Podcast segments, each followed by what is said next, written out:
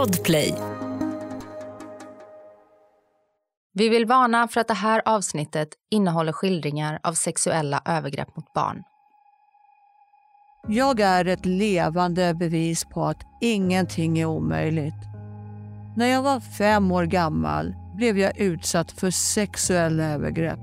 Idag vill jag ge alla de kvinnor som är på samma resa som jag en röst och chansen att dela sin berättelse om hur man tar sig vidare. Idag får vi träffa tvåbarnsmamman Pia som berättar om hur hon själv utsattes för sexuella övergrepp från femårsåldern av en man i sin närhet. Pia berättar också om hur hela hennes värld rämmade då hon fick veta att även hennes dotter blivit utsatt för sexuella övergrepp. Även den här gången av en person i familjens närhet. Jag hade mött alla helveten, trodde jag. Det kunde inte bli värre. Men det kunde det ju. Jag får reda på en kväll att det blöder ur min stora då sjuårings snippa, som hon uttryckte det. Detta är Pias resa genom inte bara sitt eget helvete utan också sitt barns. Hej Pia! Jag vill hälsa dig hjärtligt välkommen idag. Eh, Tack. Kan du börja berätta lite kort om dig själv? Absolut. Eh, jag är en eh, tvåbarnsmamma i 30-årsåldern som jag bor på landet och jobbar och har en gård med djur och ja, sambo och barn och hela den biten. Vad kommer du berätta för oss här idag? Min historia går ju ända ifrån när jag var fem år ungefär och eh, först själv då var utsatt för sexuella övergrepp av en nära anhörig. Jag tycker att du gör det bra. Och Tack. Känner du att du har stöd och hjälp från din omgivning idag? Både ja och nej. De flesta i min omgivning vill inte prata om det och jag har full förståelse för det. Det är ju jobbigt för mig också. Så att det lättaste för alla är ju att sopa det under mattan. Vi pratar inte om det så, så har det liksom inte hänt. Och det var ju precis som när jag var liten. Mm, och det är det här som är... Ja, vi har ju skapat den här podden, jag har skapat den här podden. Och Den här podden är ju till för att synliggöra det här. Att vi ska mm. börja våga prata om det. Att vi ska förstå att det här sker runt omkring oss dagligen. Nu. Mm. Nu. Nu. Och om vi bara kan lätta upp det på det viset att få människor att förstå att det är så vidrigt och det är så hemskt så vi vill inte mm. prata om det. Men det är ännu vidriga, vidrigare att inte prata om det. Så att ta där, bort tabun. Ja, och därför ska vi ta bort det och vi ska börja prata, att få det här att det här är, det är ett samhällsproblem och, och, det är det vi ska inse. Och jag, jag är övertygad att med den här podden så kommer vi bli tvungna att börja prata om det. För jag tänker aldrig vara mm. tyst. Mm. Hur ser du på din framtid idag? Hur ser du på den? Det är väldigt olika beroende dag, från dag till dag, men i det stora hela så ser jag ljust på framtiden. Jag känner för första gången i mitt liv att nu har jag, oavsett vad jag har varit med om, oavsett vad som kommer att hända mig, så har jag någonting att kämpa för. Nu har jag någon som jag måste ta hand om och nu har jag någon annans liv som jag måste sätta i fokus.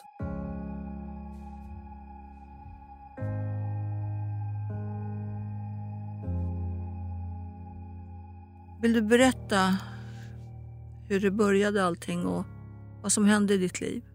Det började ju väldigt eh, lugnt och försiktigt, eller vad man ska säga. Eh, närmanden eh, och sen eskalerade det här. Och det här var ju en anhörig som jag träffade alltså väldigt, väldigt ofta och frekvent. Eh, och han, blev ju, han började oftast med händerna och utanpå kläderna Han ville ofta att man skulle sitta i hans knä.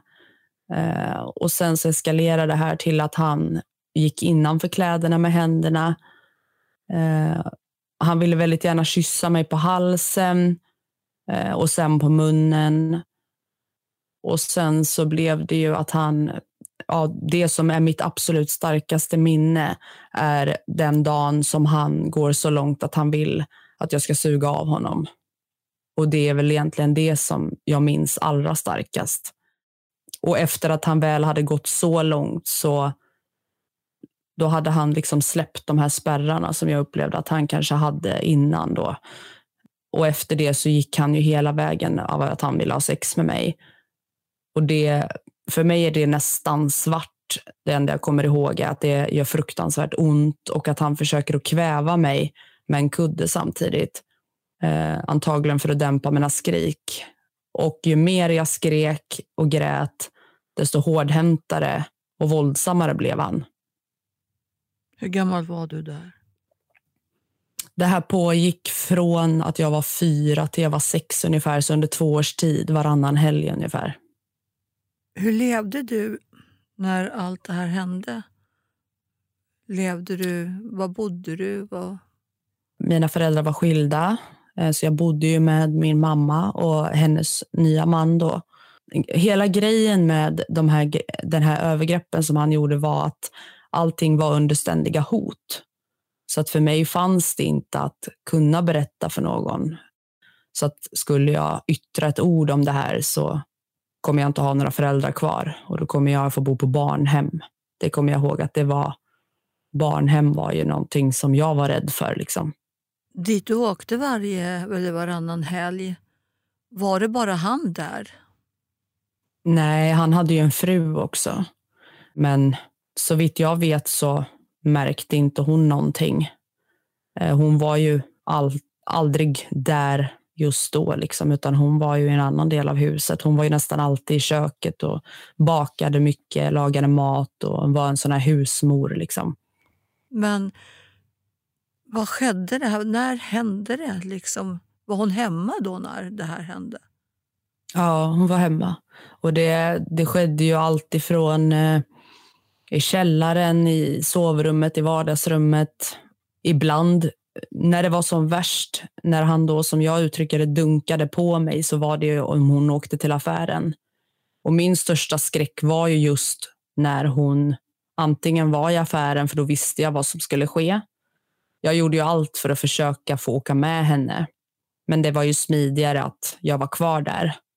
Att han skulle passa mig eller om hon var mycket ute i trädgården, då kunde hon ju vara där ute i flera timmar. Och det visste ju han. Och jag kommer ihåg att jag så gärna ville springa ut till henne. Men samtidigt så var jag ju rädd för, att, för de här bestraffningarna. Och till slut så lärde jag ju mig att om jag bara är tyst och biter ihop så går det över fortare. Den här tiden när allt det här hände, hur var du som barn då? Jag lekte väl med kompisar, men helst inte. Jag var väldigt nära vuxna, eh, men då bara mina föräldrar i stort sett. Så att jag hade inte alls den friheten som kanske många andra barn, att jag kände mig trygg med att gå hem till kompisar och leka, för jag litade inte på andras föräldrar och jag litade inte på, på andra vuxna överhuvudtaget. Så jag var nog ganska rädd av mig.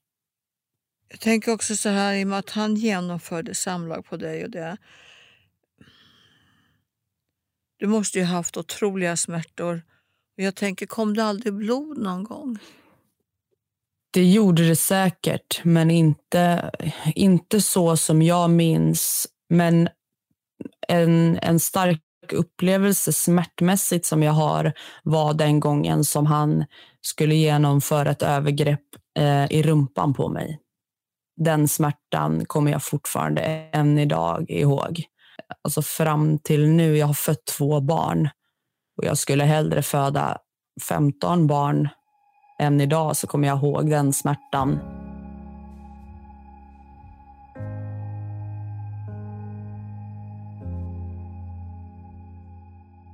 Eh, du hade ju då, när du var sex år, berättat det här för din pappa.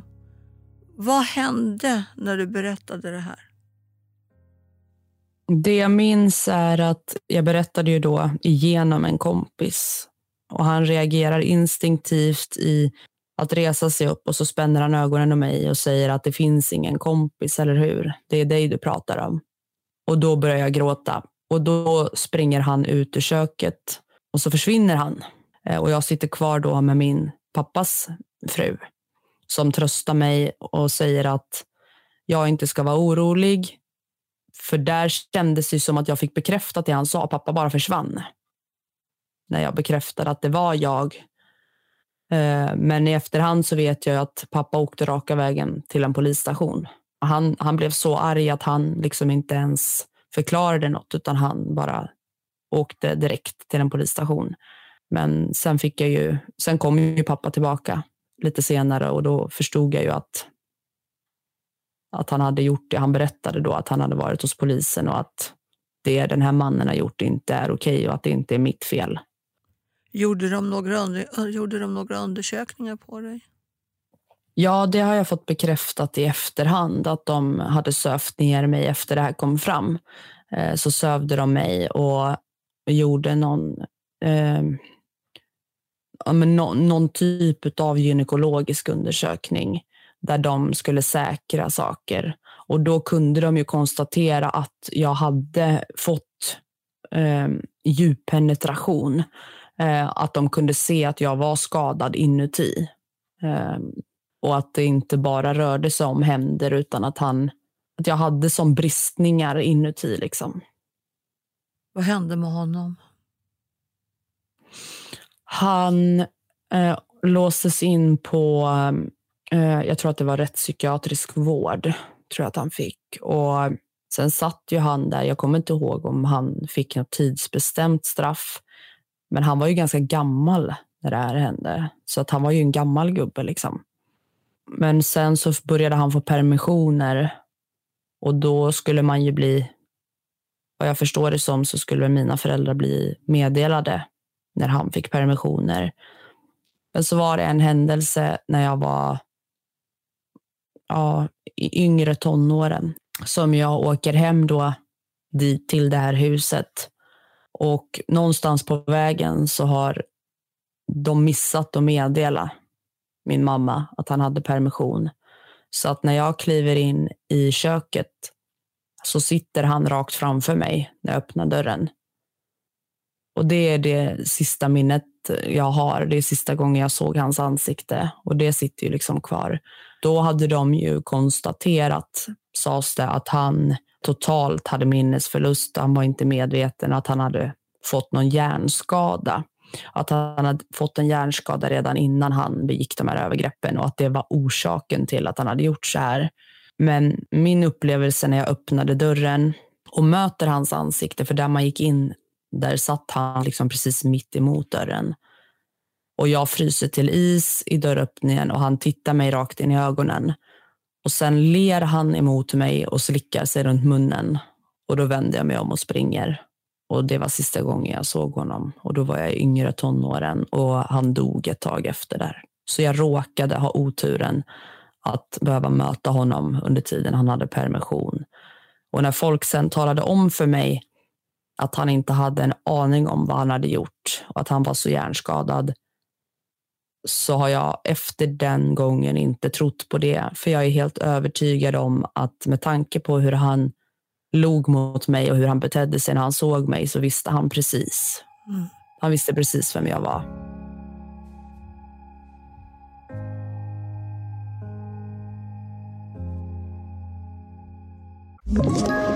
Ett poddtips från Podplay. I podden Något Kaiko garanterar östgötarna Brutti och jag, Davva, dig en stor dos skratt. Där följer jag pladask för köttätandet igen. Man är lite som en jävla vampyr. Man har fått lite blodsmak och då måste man ha mer. Udda spaningar, fängslande anekdoter och en och annan arg rant. Jag måste ha mitt kaffe på morgonen för annars är jag ingen trevlig människa. Då är du ingen trevlig människa, punkt. Något Kaiko, hör du på Podplay. Därför är gardinerna. Hur såg din uppväxt ut? Och, och hur hade du för syn på killar? Uh, till en början så kommer jag ihåg att uh, jag blev ju av med min oskuld när jag var 13 år genom en våldtäkt. Och där blev det ju inte bättre. eh, utav en 19-åring som var min bästa kompis bror. Så att där blev ju inte min syn eh, bättre på, på sex, om man säger så. Men konstigt nog så, jag trodde väl kanske att det mest logiska efter det hade varit att jag helt skulle ta avstånd från det och blev rädd för det. Men jag använde efter det en period med självskadebeteende med killar. Vad gjorde du då? Jag, eh, jag tillät vem som helst att ligga med mig. Jag hade inga krav. Jag, Eh, jag gick med på i stort sett vad som helst. Sen träffade jag en kille när jag var i äldre tonåren som han var fantastiskt snäll och han visade mig till en början då hur, hur kärlek skulle kännas och hur, hur det skulle vara. Men tyvärr så, så visade det sig att han var inte så snäll han heller då. Han lärde sig att jag öppnade nämligen upp mig till honom väldigt tidigt. Jag berättade för honom vad jag hade varit med om. Eh, och tyvärr så drog han nytta av det och började använda makt, kontroll. Han bestämde vad jag skulle ha på mig, hur jag skulle föra mig, vilka jag fick umgås med eller inte umgås med. Och till slut så var jag, var jag fast i en annan fälla istället. Men där tog jag mig ifrån ett kort tag efter. Och sen träffade jag då i 20-årsåldern, lite innan 20-årsåldern, så träffade jag den sambon som jag lever med fortfarande idag och har skaffat barn med nu. Då. Vad händer i ditt liv då när du träffar den du lever med idag? När jag träffade honom så uh, det, det tog väldigt lång tid innan jag litade på honom. Men han hade ett extremt tålamod med mig. Och jag kunde ibland, eh, just i sexuella situationer, så kunde jag få flashbacks och bara skrika rakt ut. Putta bort honom. Men eh, till slut med tiden, det tog säkert över ett halvår innan jag vågade öppna mig för honom. Och han undrade många gånger varför jag betedde mig så. Eh, och när jag hade fått tillit nog och kände att han här kontrollerar inte mig, han, han bestämmer inte över mig, jag får prata med vem jag vill. Då öppnade jag upp mig och det var ju först då han förstod. Och det var efter att jag hade öppnat upp mig som jag kunde börja våga bygga ett liv med honom. För då visste jag att han, han stod kvar fast jag var så konstig. Du säger så här, jag var konstig. det låter som jag, jag var konstig. Nej, var konstig. det var inte konstig. Det, var, det här var dina konsekvenserna efteråt. Mm. Det är ju, man får ju fruktansvärda konsekvenser efter sexuella övergrepp. Något som, något som bara kanske enligt andra sker i någon eller några minuter sitter ju kvar så mycket längre än de där minuterna som själva övergreppet pågår. Mm. Men det är det många inte förstår, tror jag. Hur mådde du efter du hade fått barn? Eh, många säger att livet hinner ifatt när man har varit utsatt för sexuella övergrepp när man själv får ett eget litet barn. Just då mådde jag faktiskt bättre än vad jag, vad jag någonsin hade gjort. Jag upplevde inte att... För jag, jag levde bara i bubblan. Att, eh, att jag, jag vet att när jag var gravid så, börj, så gick det mycket tankar att om det här var genomtänkt och ska jag verkligen, har jag, kan jag lära ett barn någonting? Har jag erfarenheter som är bra? Men jag tänkte också sen, ju närmare förlossningen det kom, så tänkte jag också att jag måste använda min erfarenhet till att se till att inte mitt barn ska behöva gå igenom samma sak som jag och få ett bättre liv. Det var min tanke då. Sen får du lilla barnet. och Vad händer i era liv då? Allting flyter på. Jag studerar under tiden som hon, både som jag är gravid men också som hon är liten. Och så får vi vårt andra barn. Och allting var för första gången bra. På riktigt då. Och sen kommer vi ju till den punkten då mitt liv liksom rasa igen. Jag trodde att jag hade nått botten. Men så kom jag till en punkt där livet rasade värre än det kunde göra. Hur gamla är dina barn då? Då var mina barn tre och ett halvt och sju ungefär. Vill du, vill du, orkar du dela med dig? Absolut. Om det finns en person som kan höra det här som det kan hjälpa så är jag villig att göra det. Jag får reda på en kväll att det blöder ur min stora då sjuårings snippa, som hon uttryckte det. Och hon vill inte prata med mig. Hon skriker hysteriskt och vill bara gå och lägga sig. Och jag förstår direkt att det är någonting som är fel. Alla mina varningsklockor tjuter i mitt huvud att det är någonting som inte stämmer. Så att min första instinkt är att jag springer ner och tar min telefon och ringer till min pappa och säger precis det som har hänt. Och han säger att eh, du måste gå till botten, du måste få veta vad det är som har hänt. Eh, så att jag går upp till, till henne igen och hon drar flera olika historier om hur hon då har skadat sig, men hon vägrar visa. Eh, och då ringer jag till en annan anhörig då som, och säger att, som står henne väldigt nära och säger att du måste komma, vi måste på något vis tillsammans komma på hur vi ska övertala henne att tala om vad det är som, som har hänt. Så att hon kommer dit direkt. Och till slut så lyckas vi övertala henne att, att faktiskt visa. Eh, och det första vi möts av är att hela liksom, vad ska man säga, runt öppningen och inre blygläpparna är blålila. Och det är skrapsår på inre blygläpparna. Eh, ser ut som rivsår. Och då rämnade min värld. Vi pausar, vi pausar. Ja. vi pausar.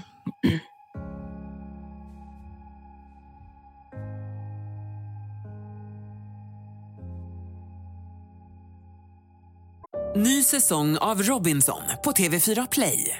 Hetta, storm, hunger. Det har hela tiden varit en kamp. Nu är det blod och tårar. Fan händer just nu. Det. är Detta är inte okej. Robinson 2024, nu fucking kör vi! Streama söndag på TV4 Play. Ett poddtips från Podplay. I fallen jag aldrig glömmer djupdyker Hasse Aro i arbetet bakom några av Sveriges mest uppseendeväckande brottsutredningar. Går vi in med hemlig telefonavlyssning och, och då upplever vi att vi får en total förändring av hans beteende. Vad är det som händer nu? Vem är det som läcker? Och så säger han att jag är kriminell, jag har varit kriminell i hela mitt liv men att mörda ett barn, där går min gräns. Nya säsongen av Fallen jag aldrig glömmer på Podplay. Vad kände du inom dig?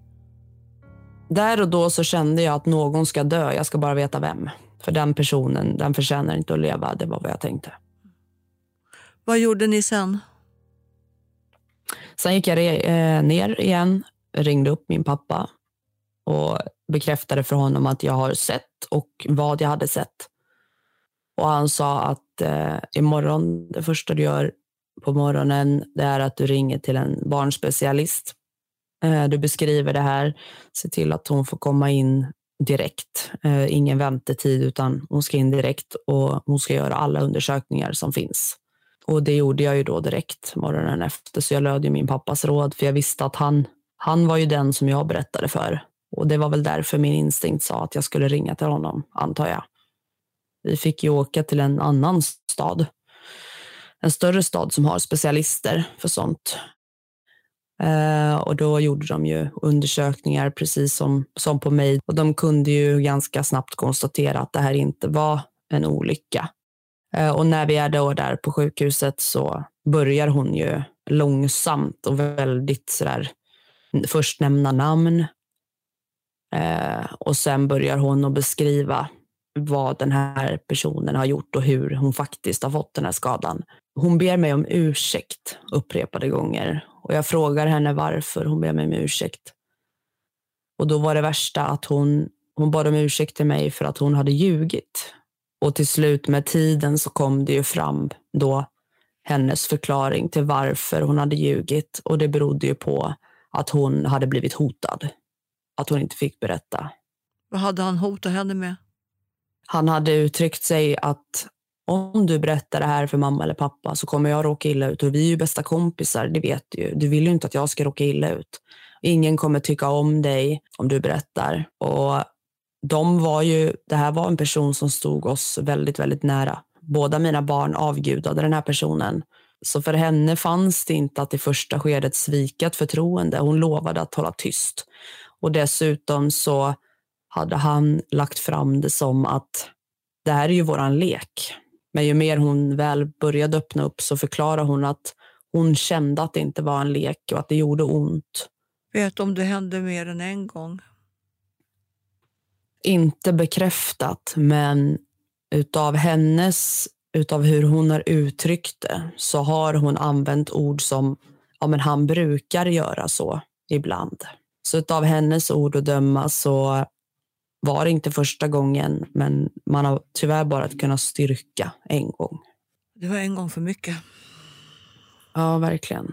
Och min, min tanke då var ju också som, som direkt snurra har min lilla också varit utsatt. Så henne kollade jag ju direkt. Och, och. och där, jag kunde inte se någonting i alla fall. Vad hände sen?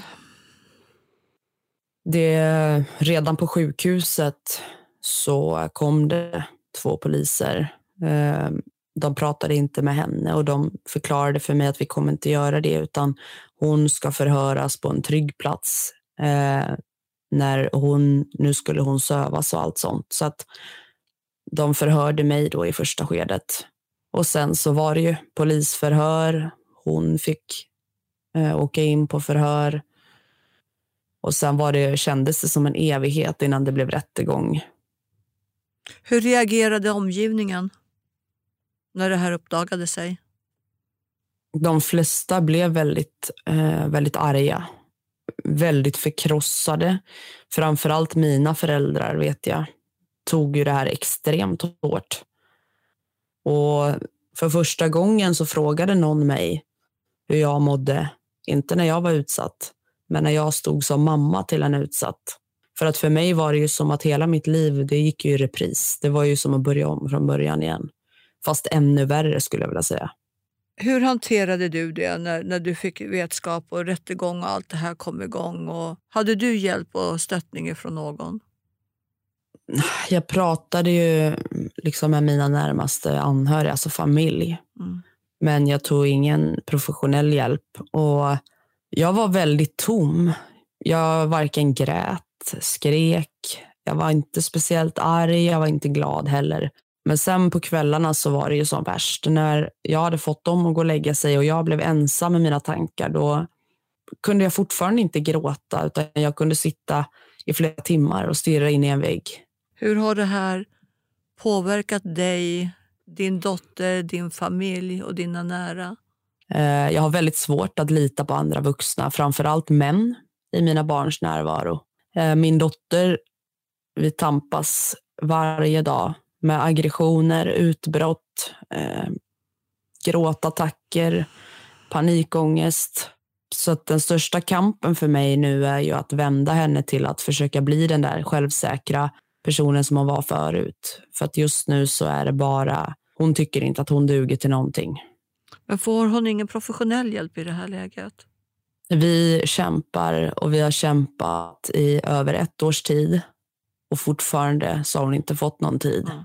Och det här det är katastrofalt. Det är rent katastrofalt. Jag, eh, det, ett barn som är utsatt för sexuella övergrepp ska direkt ha en chans och en möjlighet till att få hjälp. Vad mm. hände med den här mannen? Eh, han dömdes till fängelse i ett år och fyra månader för grovt sexuellt övergrepp. Sitter han inlåst idag? Ja. Det tog lite över ett år innan han fick börja avtjäna sitt straff. Din dotter, är hon rädd över att hon kanske kan träffa han igen? Hon har uttryckt oro ibland och att hon inte vill träffa honom. Men nu, vi har pratat extremt mycket om det här att jag har försäkrat henne om att hon inte behöver oroa sig, att hon aldrig kommer att behöva möta honom, hon kommer aldrig behöva träffa honom. Men det som sitter kvar i henne än idag och som hon fortfarande pratar om är att hon svek honom och hans förtroende. En dag ska hon få vetskap om att det var han som svek henne Mm. Han bröt alla löften i världen gentemot henne. Mm. En vuxen får aldrig någonsin utsätta ett barn för det här. Och skammen och skulden ska hon få veta om att den ska hon lägga på honom. Det är i stort sett det enda som jag repeterar. När hon glider in på det här att hon har svikit honom, då försöker jag förklara på ett ändå pedagogiskt sätt att du har inte gjort något fel. Och när du var modig och vågade berätta att det inte kändes bra, så jag har förklarat för henne att en människa som gör så här är inte frisk. Det är en sjuk person. Eh, en vuxen ska inte göra så här. Eh, och också förklarat för henne att hon har gjort en insats som kan ha räddat så många andra barn ifrån att behöva må så här som hon gör nu och gå igenom det hon har gått igenom. Där skulle jag vilja flika in en sak. För att Jag har haft en intervju med en annan och mm. just mm. fick så hon det här att höra just de här orden. Ja, men du har räddat alla andra. Och för henne var det för tungt. Hon menar på att det var ju hon som hade råkat illa ut. Så säg till henne gärna också det här att du har räddat dig själv. I och med att hon berättar det här för dig. Men det har jag gjort också. Ja, bra. Mm. För att det är det viktigaste, allra viktigaste, att hon har räddat sig själv. Jag tänker så här Pia, du har gått igenom själv övergrepp. Mm. Och det är ju så att vi som har gjort det, det, det, är en sak. Men när våra barn får göra det, det, det, det kostar. Alltså det, det, det kan göra en nästan till sinnessjuk när man går igenom den smärtan och den insikten. Jag undrar bara, så här, hur har du klarat dig eh, fram till idag? Hur har du klarat av att hantera den här smärtan och ångesten? Vad, vad har du gjort för att kunna gå vidare? Jag önskar att jag hade ett bra svar på det, men jag har fortfarande inte tagit hjälp av någon. Jag har försökt ta en dag i taget. Jag har försökt att tänka att jag måste vara stark för att jag vet precis vad hon går igenom. Och om inte jag är stark nu och håller ihop det, hur ska hon ha en möjlighet? Jag vill inte att hon ska hamna i det där som jag hamnar i. Jag vill inte att hon ska hamna i att det går så långt att hon börjar med självskadebeteenden. Så att för mig handlar allting, jag har helt åsidosatt mina egna känslor för att bara se hennes behov, känslor och jag får ju uppenbarligen kriga för att hon ska få hjälp. Och det har gått så lång tid och fortfarande så har hon inte fått något stöd överhuvudtaget i, hjälp, alltså i form av någon psykologkontakt. De sa till mig i början att vi skulle bara höra av oss om det behövdes. Eh, och trots att min dotter uttryckligen har uttryckt att hon inte vill leva längre, att hon hatar sitt liv, att hon vill hoppa ut framför skolbussen för att hon, hon vill inte leva längre. Och jag ringde till eh, en akut barnpsyk så sa de till mig att det är väntetid, det är kösystem. Och att det är minst 12 veckors väntetid trots att hon är så liten och ändå kan uttrycka med sina egna ord att hon inte vill leva längre så finns det ingen akuttid för henne.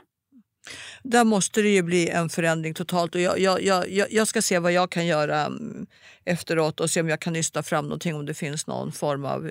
För det måste finnas någon hjälp till en... När ett barn signalerar så starkt och kraftigt att jag vill inte leva, jag vill göra det här. Ehm, ändå så ser jag trots allt att du ändå har gått vidare. Jag vet ju att du jobbar Eh, du får berätta lite själv vad du gör för att jag menar, du håller det ju ändå uppe faktiskt. Det är helt otroligt att du gör det. Ja, jag försöker nog att eh, det är nog lite min räddning. Jag försöker hålla mig sysselsatt. Eh, ibland tror jag att jag har väldigt lätt för att ta ja, men jag tar åt mig lite och tar på mig lite för mycket saker. Men jag är livrädd för att bli osysselsatt. För att jag vet att en dag så kommer det komma ifatt mig. För mig är det en tidsfråga när. Och jag tänker att så länge jag håller mig sysselsatt så förskjuter jag den, det problemet. Och Jag hoppas att jag hinner, att mina barn hinner flytta hemifrån. Att när jag är gammal kanske jag får tackla det. Så att de slipper vara närvarande. Och skulle det vara någonting någon gång så finns jag här. Det vill jag bara lova att jag gör. Pia, jag tänker så här som sista ord. Om du får ge råd till de som är utsatta där ute. Vad skulle du vilja säga då? Jag skulle vilja säga att även om man tror att man är på botten, man tror att det kan inte bli värre nu. Om du känner att du är på botten så finns det i så fall bara en enda väg och det är uppåt. Det är att aldrig ge upp, aldrig sluta kämpa och framför allt att aldrig själv se sig som ett offer. Försök att inse att det är inte du som har gjort fel. Oavsett hur mycket den personen har intalat dig det så finns det bara en väg och det är att gå tillbaka. Att ge upp, då har den vunnit. Det är bara att kämpa vidare. Jag vill tacka dig Pia, verkligen djupt, djupt ifrån mitt hjärta att du har delat med dig, inte bara av din historia utan även vad som hände din dotter. Och Det här kommer ju hjälpa många andra att börja våga prata. Så tack så jättemycket. Tack själv. Och jag hoppas att, det, att någon kan bli hjälpt. En är bättre än ingen i alla fall.